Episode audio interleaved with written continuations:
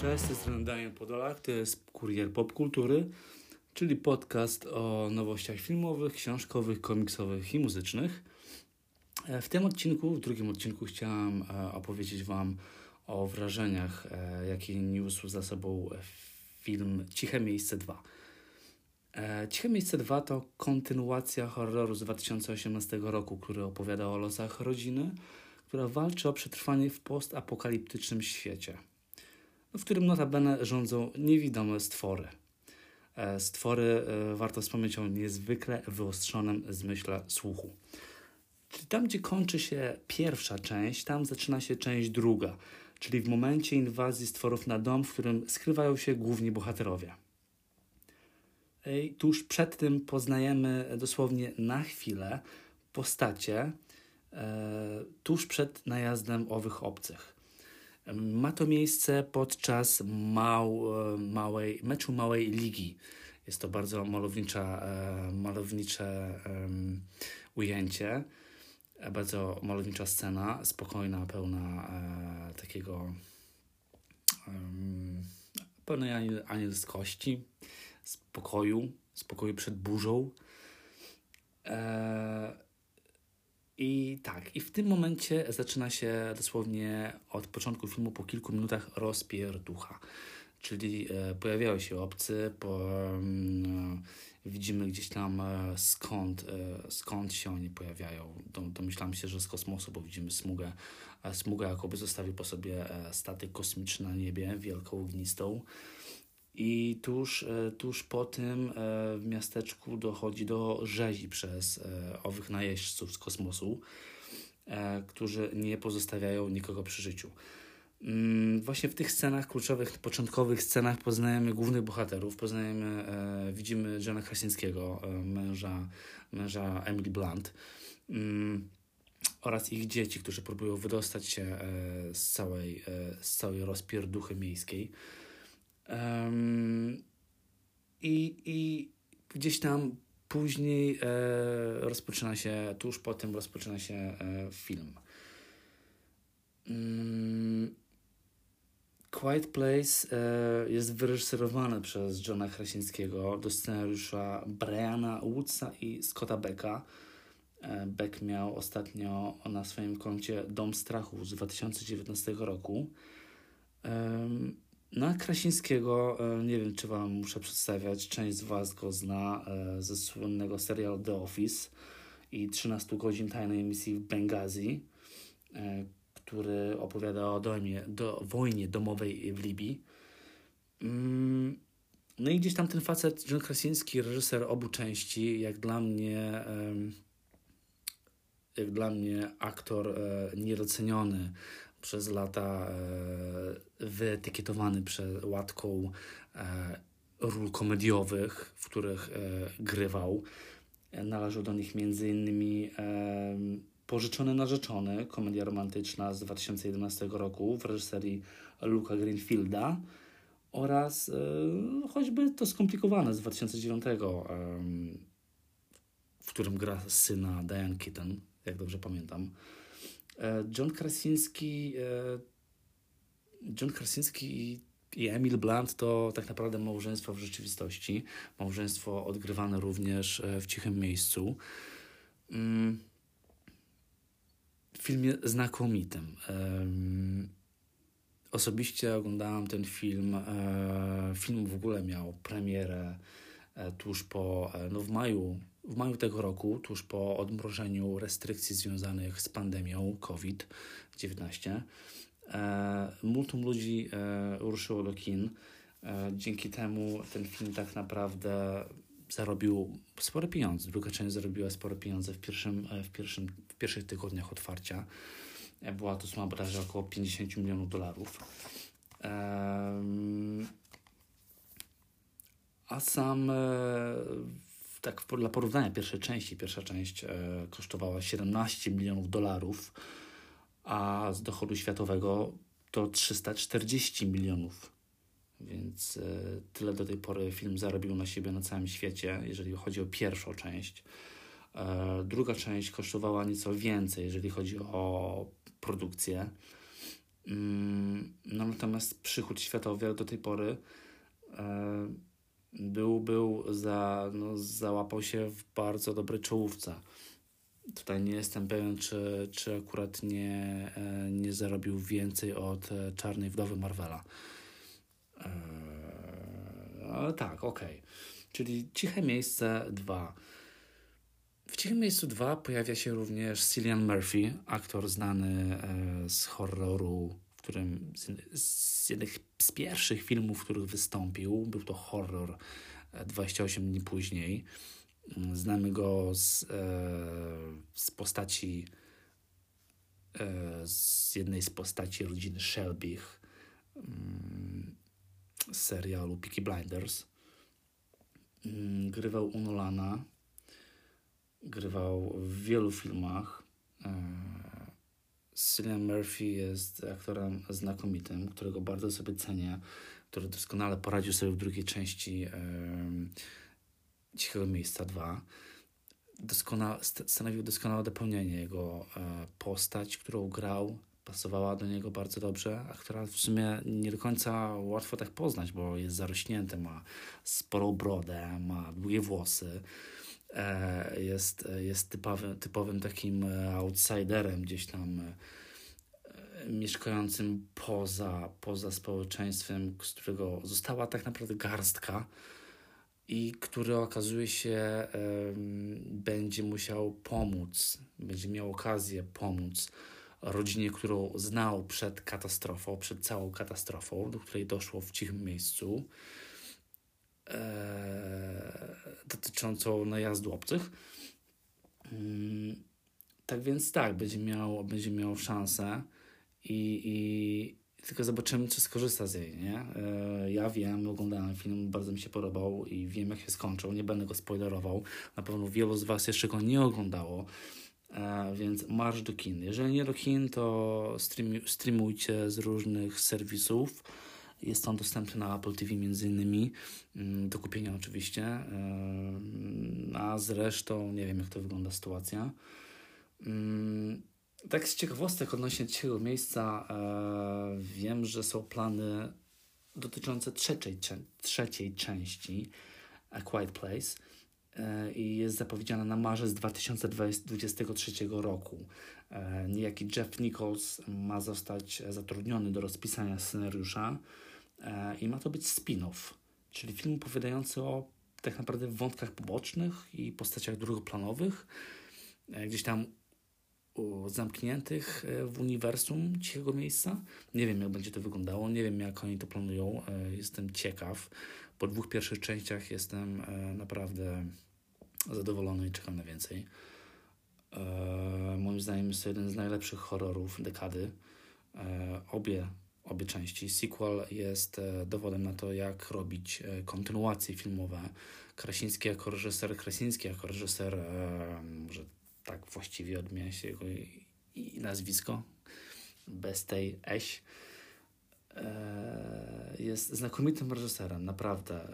No, facet niedoceniony, który, no, tak jak wspomniałem, wyrósł z tych komedii romantycznych, filmów niskobudżetowych, którego gdzieś tam zauważono w serialu The Office, który e, od 2018 do, do, do, do 2021 tak naprawdę gra, e, gra na Amazonie, w produkcji amazońskiej e, na podstawie Toma Clancy'ego, czyli Jacka Richera. Gdzieś tam, gdzieś tam właśnie tak jak wspomniałam, obok są te produkcje wojenne, kino akcji, kino romantyczne, a tu nagle horror, gatunek, w którym Krasiński nigdy się nie spełniał, nigdy nie próbował, nigdy w niego nie wchodził. A, a, a pierwsza część i to, w jaki sposób ją wyreżyserował, no naprawdę szapoba dla niego. E, facet się postarał, e, udowodnił, że zna prawa, jakimi, jakimi kieruje się gatunek e, kina grozy i wszystko w nim tak naprawdę od, od scenariusza, reżyserii, muzyki, e, scenografii, no grę aktorską, rozplanowanie, zdjęcia, no wszystko, wszystko w tym filmie e, ładnie się ze sobą e, zazębia, ładnie, ładnie współpracuje. Mm, podczas filmu obie części mają do siebie, że gdy je oglądasz, ja tak miałem, ma się poczucie ciągłego zawieszenia gdzieś na, gdzieś na jakiejś skarpie. Ten niepokój, ten suspens i, i tak naprawdę um, uczucie, że w każdej chwili może coś złego przydarzyć się bohaterom, um, bo tak naprawdę my się z nimi bardzo zżywamy. Są to bardzo dobrzy, bardzo fajnie zagrani bohaterowie z krwi i kości. Gdzieś tam ten suspens, to ciągłe zawieszenie towarzyszy temu filmowi. Ja przez seans pierwszej i drugiej części e, miałem tak, że no, nie wiedziałem, co się zaraz wydarzy. E, zjadłem na horrorach e, zęby, więc generalnie gatunek nie jest mi obcy. Jednak e, w cichym miejscu miałem, miałem, były sytuacje, w których bardzo fajnie mnie pozytywnie zaskoczył. E, nie korzystał gdzieś tam ciągle z utartych klisz, jak na monster, jak na gatunek, podgatunek, w którym, w którym działa, czyli monster movie. Nie było w nim kliszy, był bardzo ładnie zagrany, jest e, świetnie wyreżyserowany Suspens jest mocny, film chwyta za gardło. Czujesz tych bohaterów, czujesz ten świat, czujesz ten, ten postapokaliptyczny swąd i, i, i potworów, którzy gdzieś ci ciągle e, dyszą e, za głową i, i, w każdej chwili mogą cię e, rozpróć. Więc no, no dla mnie no, film bardzo, bardzo dobry. E, z ciekawostek, takich ciekawostek z pierwszej części, z tego co wiem, e, e, przebierał się, sam osobiście przebierał się za, za stwora, jednego ze stworów i odgrywał, odgrywał rolę. Więc ciekawe, jak to wyglądało. No więc tak, Ciche Miejsce 2. Maszerujcie do kin. Nie wiem, czy w kinach jeszcze go grają, mm, ale chyba nie a więc zostają platformy streamingowe. Mm, film rewelacyjny. W skali od 1 do 10 daję mu daję mu 9. Daję mu 9 ze względu na to e, na to wszystko, o czym wspomniałem, a jedyny minus to taki, że film dzieje się, rozgrywa się tak szybko, trwa on jakieś półtorej godziny, film rozgrywa się tak szybko, że, nie, e, że zaraz się kończy tak naprawdę i czujesz niedosyt. Ja go miałem, czuję na część, czekam na część trzecią. Mam nadzieję, że wyreżyserowaną przez również Krasińskiego. Jednak nie wiem, czy, czy, czy tak się stanie. Mm. Okej. Okay.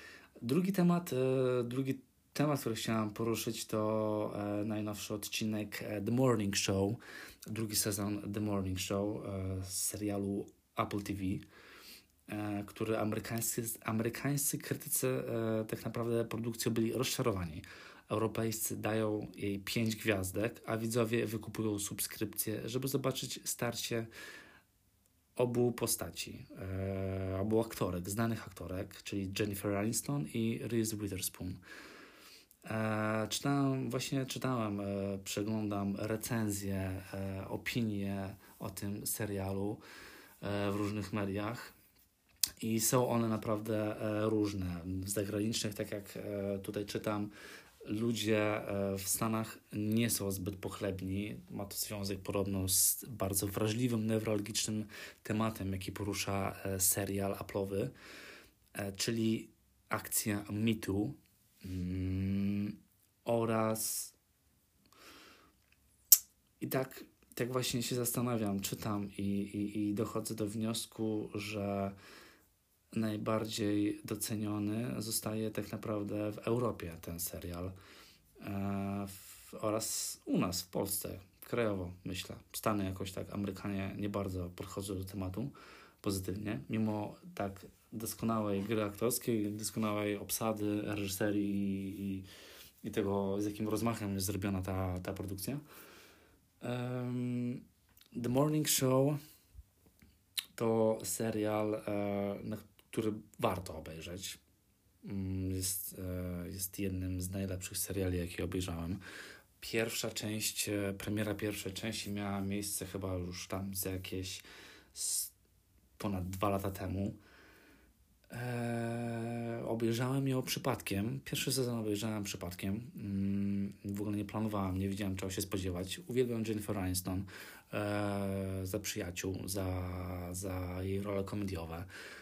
Uwielbiam Reese Witherspoon, która grywała nie tylko w komediach, ale świetnie grała w, w Małych Kłamstewkach, produkcji HBO, e, która świetnie zagrała w, e, w, małych, e, w Małych Ogniskach, jak jeżeli dobrze pamiętam tytuł. To była produkcja na Amazonie, na podstawie książki niejakiej. I, i wszystko tak naprawdę te postacie bohaterowie. Wszystko w, w um, The Morning Show jest bardzo ciekawie rozegrane. Mamy e, film opowiada o kulisach produkcji serialu, e, serialu, serialu mówię, programu e, śniadaniowego w jednej z największych stacji telewizyjnych w Stanach. Czyli poznajemy, poznajemy ludzi z zakulis, poznajemy to, jak e, prowadzony jest program, jak e, poznajemy poznajemy go od postprodukcji, e, od przygotowywania materiałów. Wszystkich ludzi, cały świat prowadzenia telewizji jest tutaj świetnie, bardzo dobrze przedstawiony, bardzo wiernie. E, świat, który tak naprawdę The Morning Show jest trochę światem takim, to, który obnaża, obnaża, um, obnaża rzeczywistość, e, pokazuje nieco uchyla, uchyla rąbek e, na, na, na to, jak dzisiejsze media, jak są tworzone, pod jakim wpływem są, e, pod jakim, pod, czyj, pod czyim wpływem i, i to, jak, jak się rozgrywają. E, bardzo dobry serial, ale nie będę, go, nie będę o nim może zbyt wiele opowiadał. Jestem dopiero po pierwszym odcinku, który bardzo dobrze, bardzo dobrze się ogląda. Jest, e, pozostaje, pozostawia wiele, wiele otwartych furtek i niewiele jeszcze z niego wynika. Nie będę o nim może zbyt wiele opowiadał. Ok. Um, trzecia, trzecia rzecz to Ted Lasso. Ted Lasso to również serial Apple TV który miałam przyjemność obejrzeć go w tym roku. Pierwszy sezon obejrzałem w tym roku, tak. Lasso obecnie jest jednym z najlepszych seriali komediowych. E, podczas Emmy Awards dostał, e, dostał statuetkę. Jason Sudeikis dostał statuetkę mm, za najlepszego za najlepszego aktora komediowego i bardzo zasłużona jest to statuetka dla niego, e, ponieważ e, Sudeikis daje z siebie naprawdę maksa e, w całej produkcji Ted Lasso. W filmie, serialu komediowym, który opowiada o, trochę takim o trenerze, o nieudaczniku trenerze, który przyjmuje, przyjmuje posadę trenera brytyjskiej drużyny piłki nożnej AFC Richmond. I jest to bardzo, bardzo śmieszna historia, ponieważ opowiada o tym, jak trener dociera się z całą drużyną, o tym, jak nie ma zielonego pojęcia o piłce nożnej, o tym, jak, e, jak prowadzić taką drużynę, jak, e, jak wygrywać. Nie, zna, nie ma więc bladego pojęcia o piłce nożnej, o zasadach. Nie potrafi rozróżnić spalonego od faula, powiedzmy. Um, więc jest to, jest to totalna zielona osoba, która trafia gdzieś tam, trafia w sam, w e, samym centrum, w samo centrum e, młynu, e, który, który ma, ma związek z rozstaniem się pani prezes klubu e, z mężem, który notabene e, był głównym prezesem, teraz wszystko spada na panią prezes, i która gdzieś chce pogrzebać ten, ten, ten, cały, ten cały, mm, całą drużynę. Ma już dosyć, chce zrobić na przekór swojemu byłemu mężowi i chce zakopać całość, e, cały projekt gdzieś tam. Ma tego dosyć. E, podkłada kłody każdemu i wszystkiemu, e, co związane z drużyną. Multum, multum dobrych gagów. E, serial jest bardzo śmieszny, jest świetnie zagrany. E, Sudeikis jest cudaczny. Mm. Tak, jest to drugi sezon gra już pojawia się od jakiegoś czasu. Jest to chyba bodajże szósty odcinek. E, odcinki są krótkie, ogląda się świetnie, więc polecam Apple TV, Ted Lasso. Mm. Chciałem jeszcze Wam opowiedzieć o, o, o, o najnowszej powieści e, Stephena Kinga Bill Summers, ale jednak jeszcze jej nie przeczytałem, więc na to przyjdzie czas. E, czyli to w następnym odcinku. Ok, więc e, mam nadzieję, że będziecie, że mnie słuchacie i do usłyszenia. Na razie.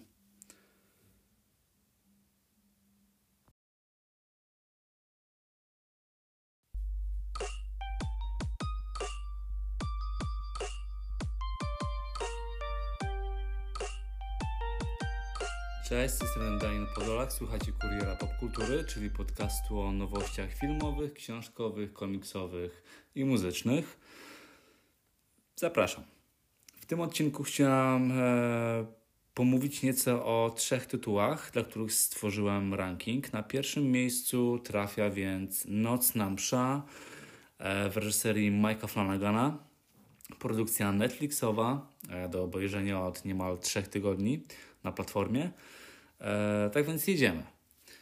Mike Flanagan to facet, e, który wyreżyserował m.in. Oculusa, Nawiedzony dom na wzgórzu, Nawiedzony dwór w Bly, e, Greg Geralda i Hash.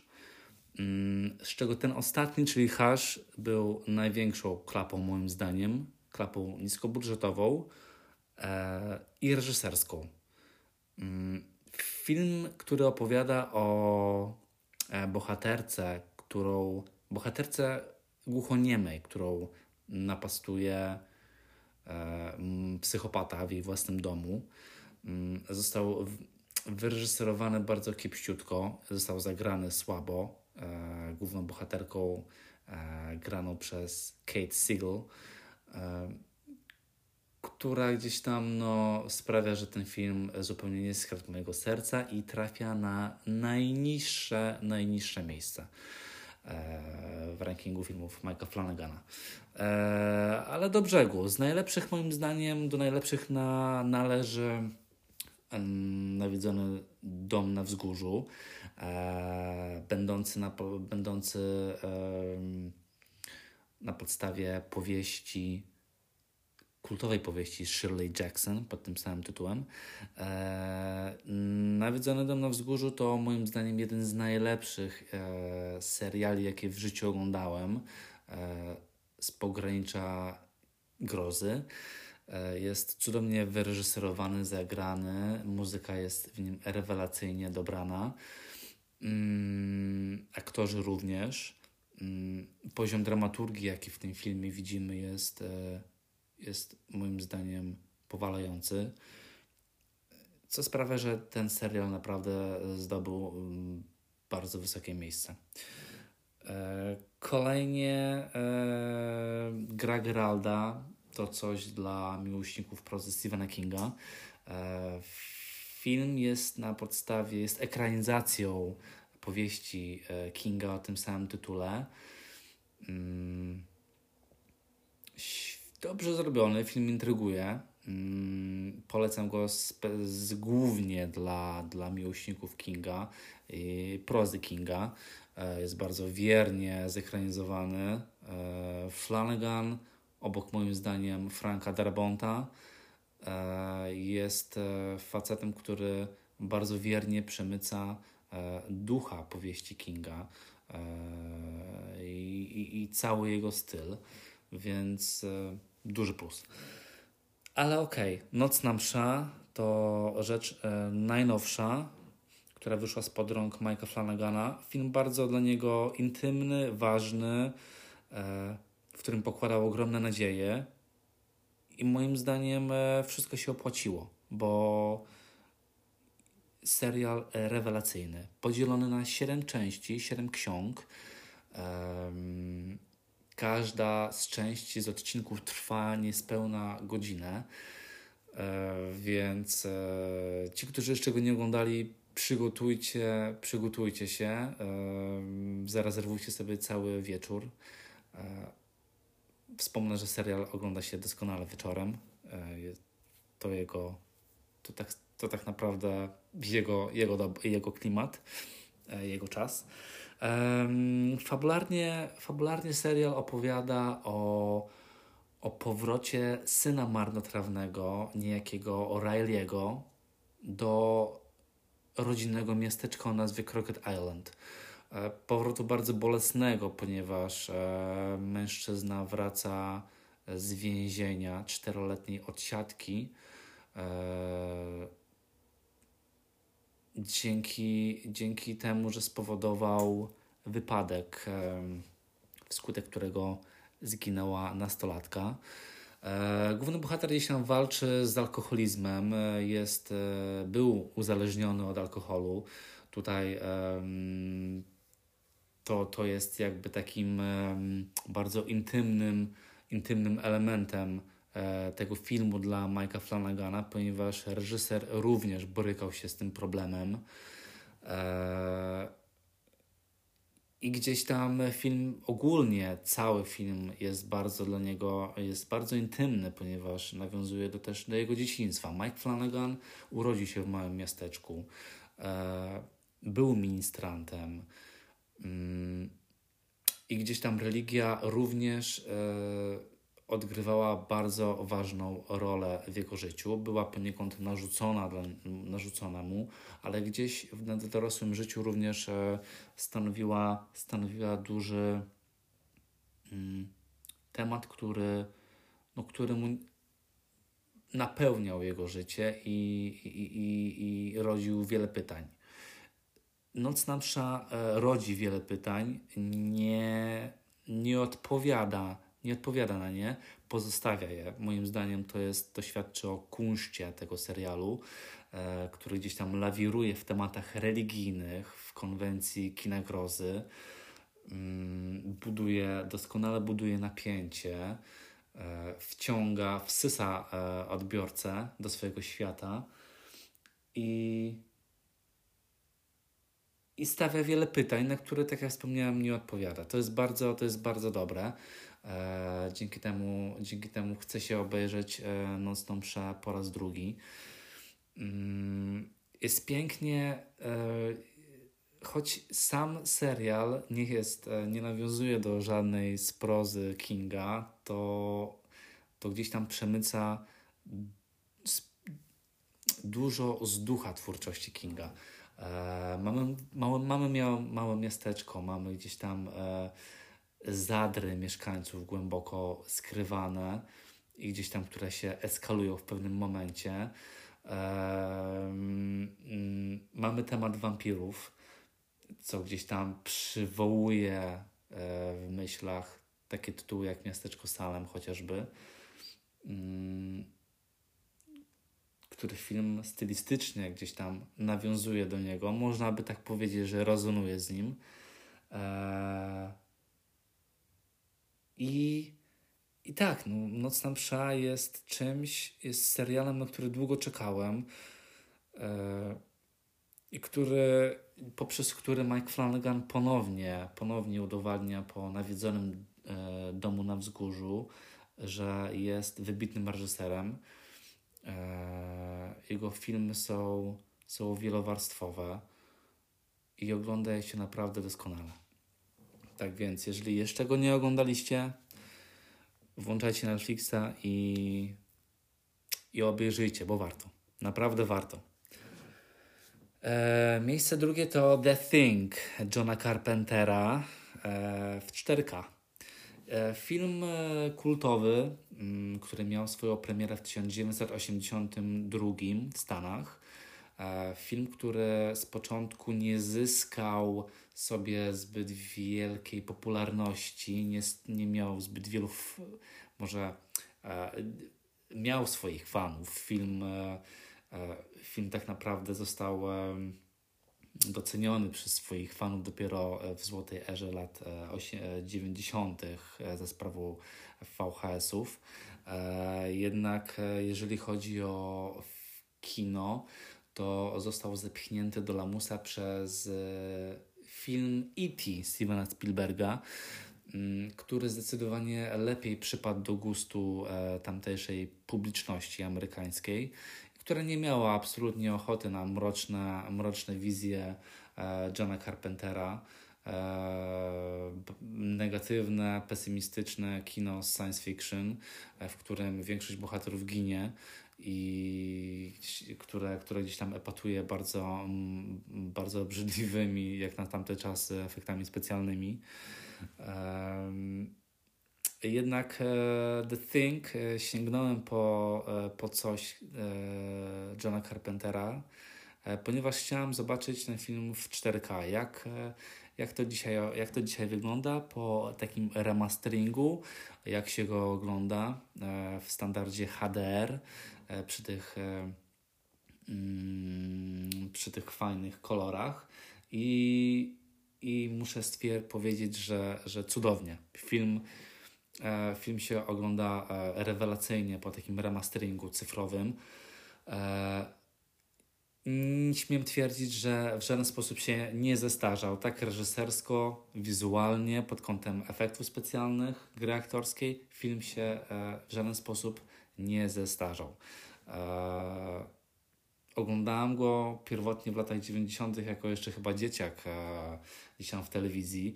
Później e, dzięki e, taśmom VHS, które, które gdzieś tam trafiały do mnie mm, za czasów nastoletnich. I, i, i tak, moim zdaniem e, The Thing, jeżeli jeżeli są jeszcze tacy ludzie, którzy nie oglądali tego obrazu, e, to koniecznie nadróbcie to. E, możecie teraz to zrobić dzięki e, tak naprawdę nie, nie, nie, nie, nie, nie kupując nawet tego filmu. Nie, trzeba, nie musicie go oglądać w, w tak wysokim klatkarzu, jeżeli nie jesteście gdzieś tam jakimiś cyfrowymi i wizualnymi zboczyńcami, że tak powiem, w cudzysłowie. E, możecie go obejrzeć nawet na YouTubie. Gdzieś tam, na, gdzieś tam jest chyba nawet dostępny. E, bo warto. Warto również za sprawą efektów specjalnych, e, które, które przyniosły tak ogromną popularność temu filmowi, które gdzieś tam zaskarbiły serce e, fanów e, kina. Mm, efekty w wykonaniu Roba Botina, faceta, który ma na swoim koncie efekty do takiego filmu jak Skowyt, mm, który też zajmuje bardzo ważne miejsce w kinematografii e, grozy. Efekty Roba Botina są bardzo wysmakowane, wyśrubowane i dopracowane do ostatniego E, elementu. E, są to efekty mechaniczne, technicznie bardzo, bardzo odważne, bardzo mocne, obrzydliwe. Obcy, e, obcy filmie Coś jest bardzo zmiennokształtny, co Rob Bottin bardzo dosłownie przedstawia. E, John Carpenter w swoim filmie miał, e, miał dylemat, czy pokazywać obcego, czy pokazywać twarz tego diabła, czy, czy jednak bazować na niedomówieniach. Gdzieś tam e, przy współpracy i rozmowach z Botinem doszli do, obo, obopólne, do obopólnego wniosku, że e, tak naprawdę nie muszą jednoznacznej twarzy tego diabła pokazywać e, w postaci obcego, ponieważ w scenariuszu jest to obcy zmiennokształtny, tak? czyli gdzieś tam ten stwór mm, nabiera kształtów ludzkich, zwierzęcych, które, które gdzieś tam mm, w które chce się wcielić. E, więc ponownie doszli do takiego wniosku. Wyszło fajnie. E, wyszło genialnie. No, nie na tamte czasy może, bo film e, kosztował 15 milionów dolarów, a w pierwszych tygodniach otwarcia zarobił jakieś 3, niespełna ponad 3 miliony dolarów.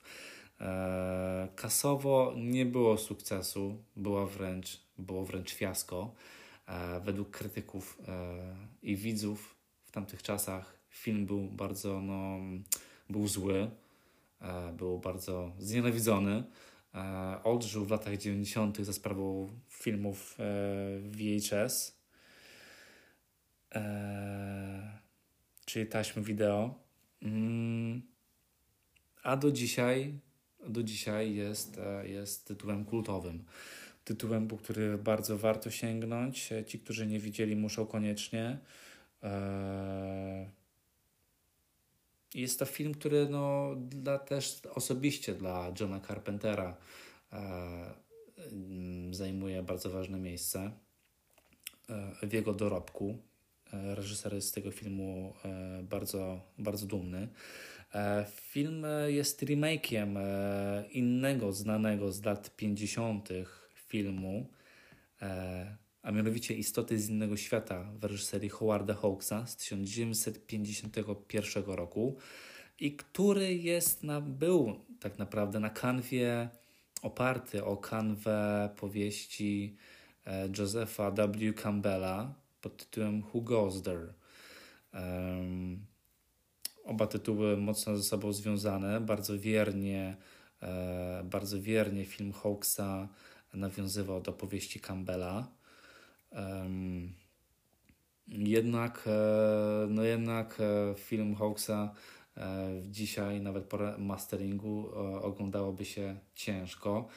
Film, w którym bardzo często otwierane są drzwi. Film bardzo kameralny, science fiction, grozy, gdzieś tam, który bardzo przypadł gustu Carpenterowi i, i zajmuje bardzo ważne miejsce w, w jego sercu. No dla mnie jednak no, jest to coś, co raczej by się dzisiaj ciężko oglądało. Choć nie wiem, rzecz gustu.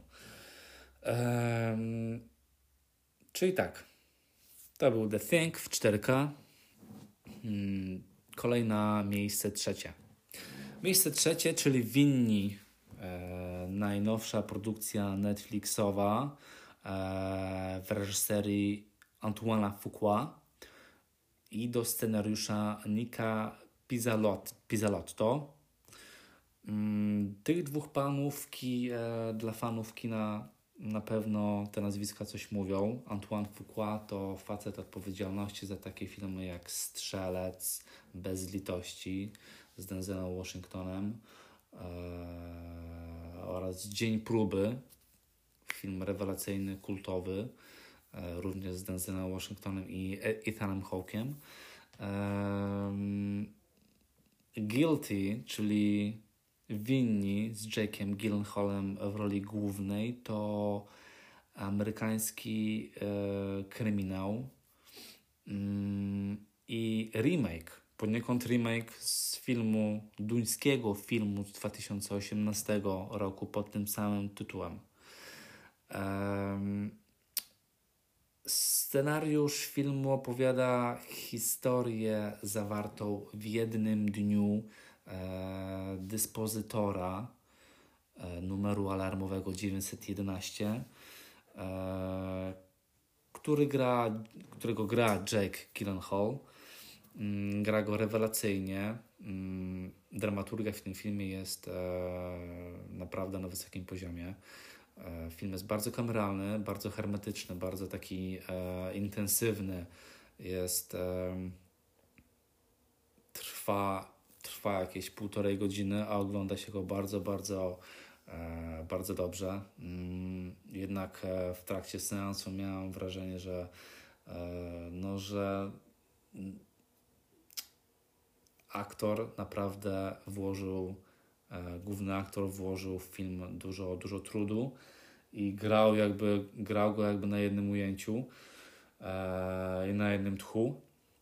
Hmm, film bardzo emocjonujący i wciągający. Tak samo jest ze scenariuszem Nika Pizzolatto. e, faceta odpowiedzialnego za detektywów, produkcji HBO, kultowego, rewelacyjnego, pięknego e, serialu mm, w rolach głównych, którego widzieliśmy e, Woody'ego Harrelsona i Matthew McConaughey. Mm, tak więc te nazwiska, no, e, czekając już na ten film, widziałam zwiastun jakiś czas temu, widziałam nazwiska i wiedziałam, że, że film mnie nie zawiedzie. Na początku, w, w pierwszej połowie filmu miałam odczu- bardzo mieszane odczucia, ponieważ no, film, e, film tak naprawdę rozgrywa się mm, czasowo, jest zamknięty i też jest, jeżeli chodzi o o, o, o, o jego um, miejsce jest również, jest również bardzo filmem hermetycznym e, i bardzo um, takim e, kameralnym, tak? Jego e, jest zainscenizowany tak, e, by widz odczuwał, miał wrażenie, że to się naprawdę dzieje jednego dnia, e, jednego wieczora. E, I udało się, twórcom się udało, film bardzo dobry. E, polecam. Mm, to były trzy, tak, to były te trzy tytuły, o których chciałem z Wami porozmawiać. Trzy naj, naj, najciekawsze tytuły. E, mm, tak więc, tak. Trzymajcie się. Mam nadzieję, że Wam się podobało. Na razie.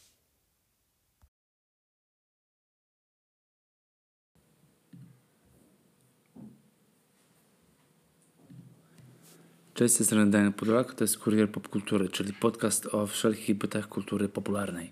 W tej audycji opowiadam Wam o tym, co warto obejrzeć lub przeczytać, a co takiego możecie sobie spokojnie darować. Nie tracąc na to czasu. Na wstępie e, wypadałoby przeprosić tych, co mnie słuchają za długą przerwę techniczną.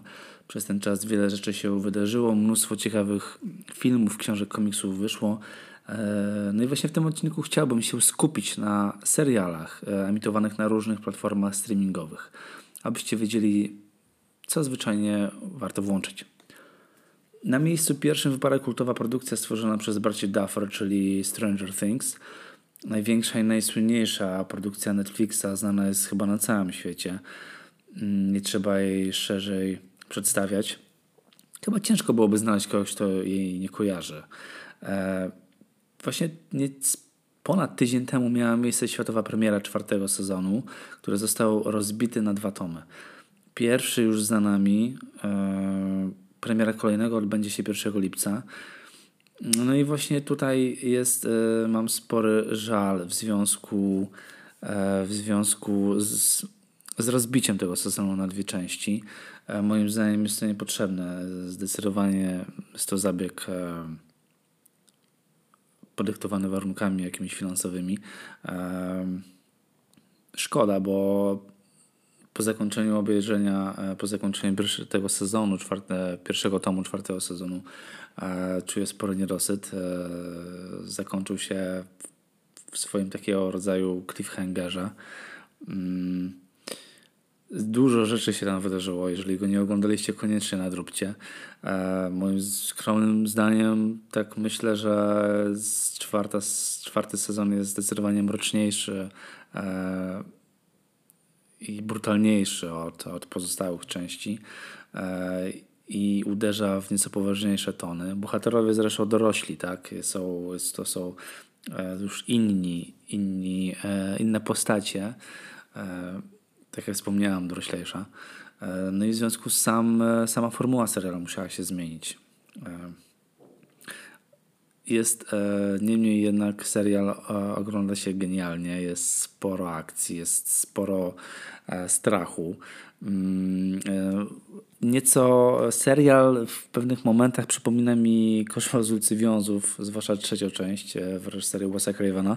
E, nie będę mówił w których momentach i przez co, e, żeby nie psuć wam atmosfery zaglądania.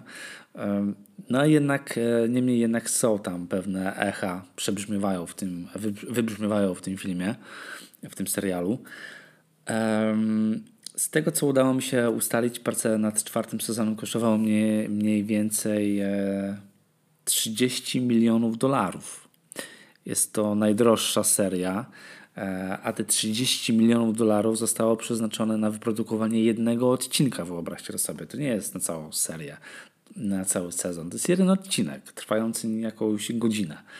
Um, warto dodać również, że w czwartym sezonie wszystkie efekty są e, wszystkie efekty nie są komputerowe, nie są wyłącznie e, stworzone na bazie CGI. Mamy tam dużo efektów praktycznych, e, sporo mechaniki. Główny, główny zły charakter, e, czyli Wekna, została w 90% wykonana w, na zasadzie efektów praktycznych. Cudownie się to ogląda potwór jest e, znakomicie zrobiony, mm, więc szapoba dla twórców, zwłaszcza makijażystów, którym e, ponoć e, zajęło aż 7,5 godziny stworzenie całego makijażu, mm, całej charakterystyki aktora, który grał właśnie tą postać. Więc duże, duże, duże brawa dla, dla, całej, dla całej ekipy. Mm, przechodząc właśnie tym, e, tym sposobem, przechodzimy do e, serwisu newsowego. Mm, no i na pierwszym miejscu jest oczywiście e, prequel Furiozy. 1 czerwca na Twitterze Chrisa Hemswortha wyciekła informacja dotycząca kolejnej części ze świata Mad Maxa w reżyserii George'a Millera pod tytułem właśnie Furioza. Mm, film ma się skupiać na tytułowej postaci granej E, do tej pory przez Charlize Theron w wersji z 2015 roku. No a właśnie tym razem e, tę dokładną, tę konkretną postać ma zagrać Anya Tyler-Joy. Mm, Joy występowała m.in. już w filmach e, z pogranicza fantastyki i horroru. Widzieliśmy ją w Nowych Mutantach, czy chociażby w Ostatniej Nocy w Soho. Mm, swoją drogą filmy bardzo dobre. Mm, obydwa skrajnie różne, w ogóle nie można ich, nie można ich wrzucić do tego samego wora. E, ostatnia, ostatniej nocy w Soho e, oglądało mi się znakomicie. Mm, widziałem ten film niedawno. E, no i duże, duże, duże brawa dla pani, jak i reżysera filmu.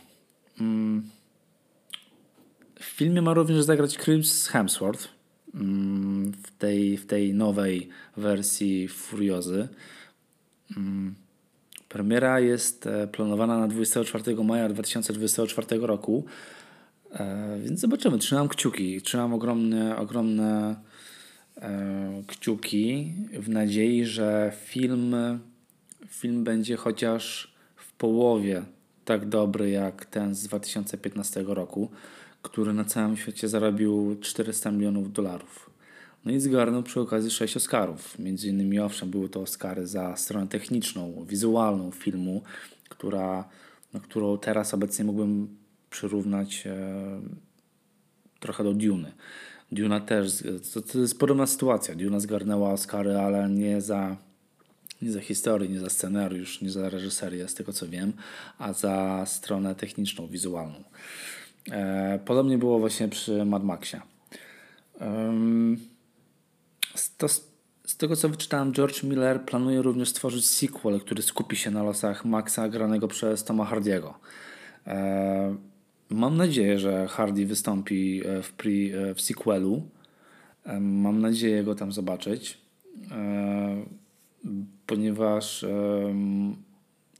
jakoś bliżej mi do bliżej mi do Hardiego grającego Maxa niż Mela Gibsona.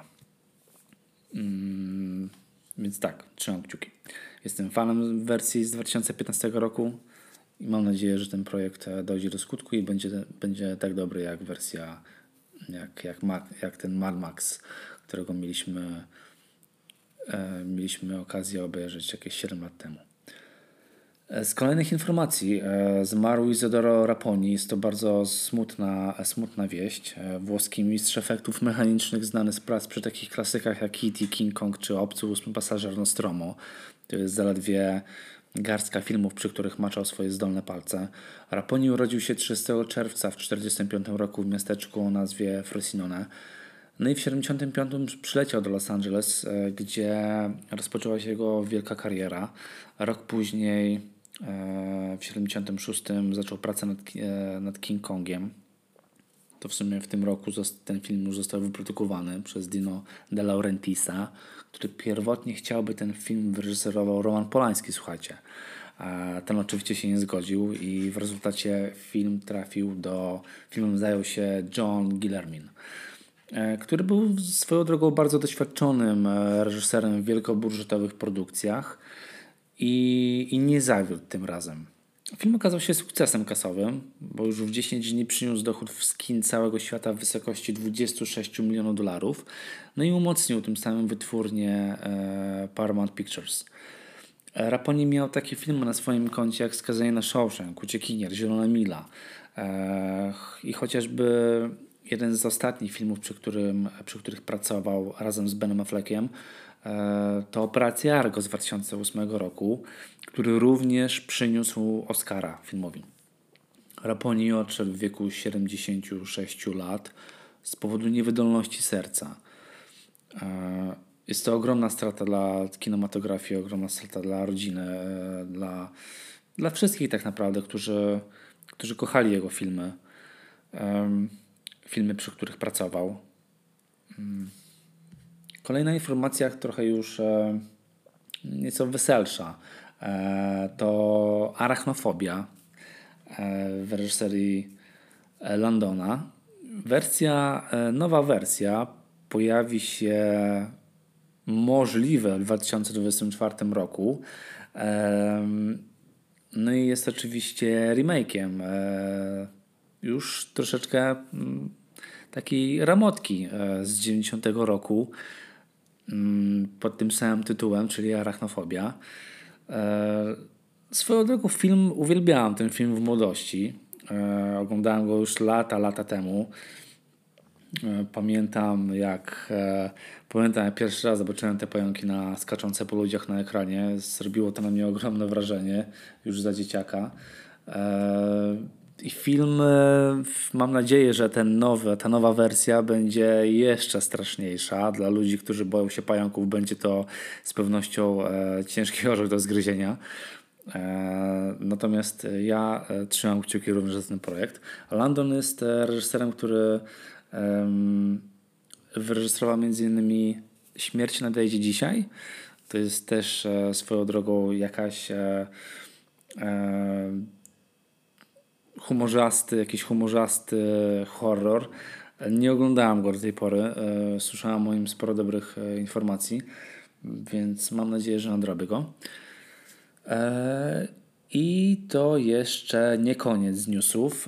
Kolejnym bardzo ważnym wydarzeniem dzisiaj o 19 czasu polskiego, uważajcie, będzie miała miejsce konferencja Apple'a WWDC 22. Na tym keynote pojawi się, pojawi się mm, wiele ciekawych informacji odnośnie nowości w systemie e, zmian w systemie iOS 16, iPadOS, e, tvOS e, oraz macOS. Mm, więc ci z Was, którzy, którzy uwielbiają Apple'a, e, którzy śledzą e, poczynania firmy i kupują jej e, produkty, ja się z, całą pewnością do nich zaliczam będę oglądał tę konferencję. E, polecam. E, możecie obejrzeć tę konferencję na, na urządzeniach Apple'owych, ewentualnie na swoim smart, e, smart TV w aplikacji Apple TV, tudzież na YouTubie. Mm, mam liczę na to, że e, zobaczę na konferencji sporo ciekawych e, nowości.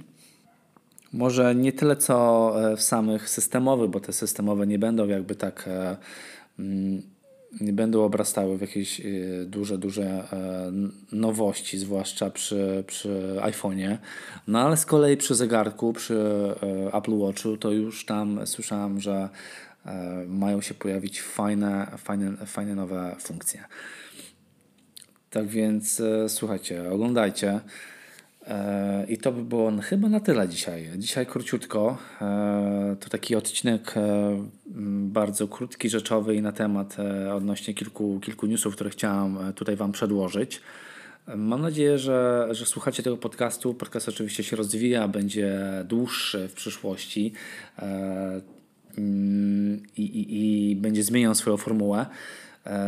E, teraz natomiast no, chciałem, e, chciałem, go, chciałem w nim zawrzeć wszystkie takie najciekawsze, mm, najciekawsze newsy z świata popkultury, kilka przynajmniej, chociażby tych takich z ostatniej, z ostatniej chwili.